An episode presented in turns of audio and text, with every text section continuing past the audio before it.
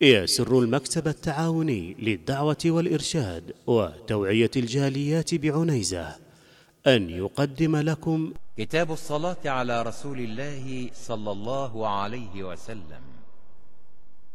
عن أبي هريرة رضي الله عنه أن رسول الله صلى الله عليه وسلم قال من صلى علي واحدة صلى الله عليه عشرا.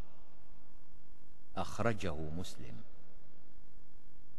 وعن أوس بن أوس رضي الله عنه قال قال النبي صلى الله عليه وسلم إن من أفضل أيامكم يوم الجمعة فأكثروا علي من الصلاة فيه فإن صلاتكم معروضة علي.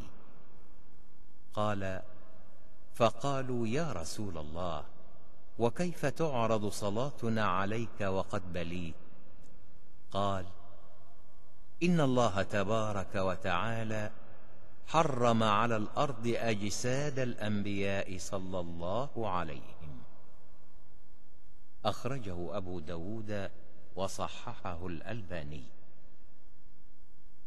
وعن أبي هريرة رضي الله عنه قال قال رسول الله صلى الله عليه وسلم لا تجعلوا بيوتكم قبورا ولا تجعلوا قبري عيدا وصلوا علي فإن صلاتكم تبلغني حيث كنتم.